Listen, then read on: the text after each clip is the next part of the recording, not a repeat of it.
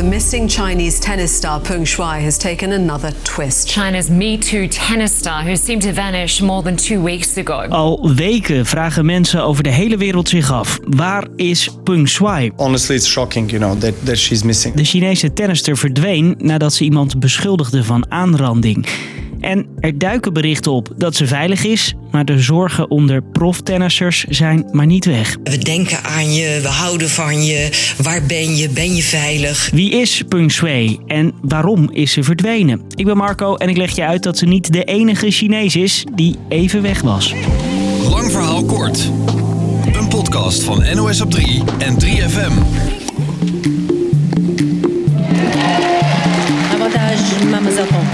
Tennister Peng Shuai, een toptennister. Ze stond een paar jaar terug op nummer 1 in de damesdubbel en won twee Grand Slams, vertelt sportcommentator Marcella Mesker. Roland Garros, Wimbledon. En uh, ja, was eigenlijk uh, altijd wel het gezicht van uh, het tennissend China.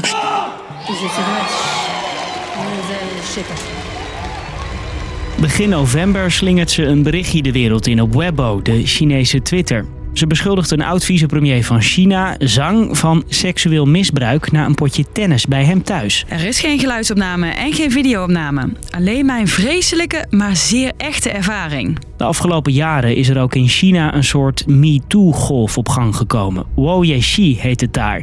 Maar dit is voor het eerst dat iemand zo'n hoog persoon in de communistische partij beschuldigt. Het berichtje verdwijnt van Weibo en Pung wordt gewist van social media. Ook in het echt duikt ze nergens meer op. Niemand heeft haar kunnen bereiken. Niet per telefoon, niet per mail, niet aan de deur, helemaal niet. Weken blijft het stil. En dan komt er een e-mail van haarzelf via staatsmedia naar buiten. De beschuldiging van seksuele aanranding is niet waar. Ik ben niet vermist of onveilig. Ik ben gewoon aan het rusten thuis en alles gaat goed. Maar de zorgen worden alleen maar groter na deze tekst. De Wereld Tennisbond zet meer druk. Die dreigt om geen toernooien meer te organiseren in China. En daarna verschijnt er allemaal beeld van Peng via Chinese staatsmedia.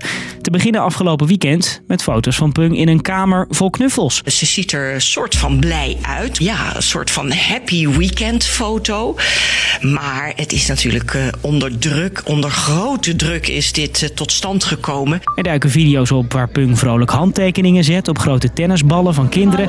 Op andere beelden eet ze een hapje in een restaurant. En Peng spreekt met de voorzitter van het Internationaal Olympisch Comité en zegt dat het goed met haar gaat.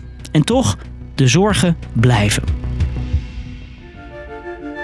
Het is bepaald niet voor het eerst dat een bekende Chinees van de aardbodem verdwijnt, om daarna weer op te duiken.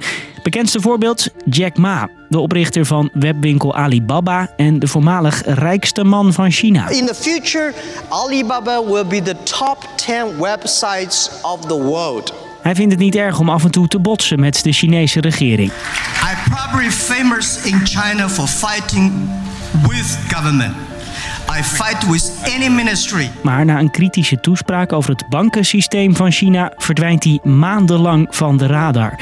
Begin dit jaar duikt hij toch weer op en nu verschijnt hij heel af en toe weer in het openbaar. Maar echt kritisch is hij sindsdien niet meer geweest.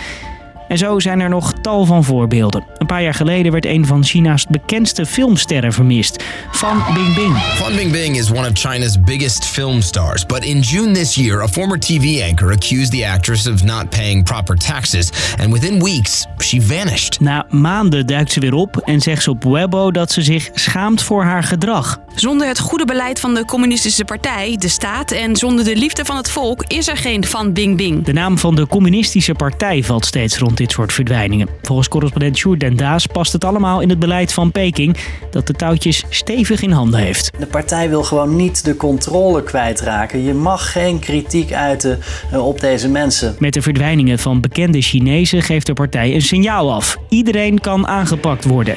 Niemand is groter dan de communistische partij.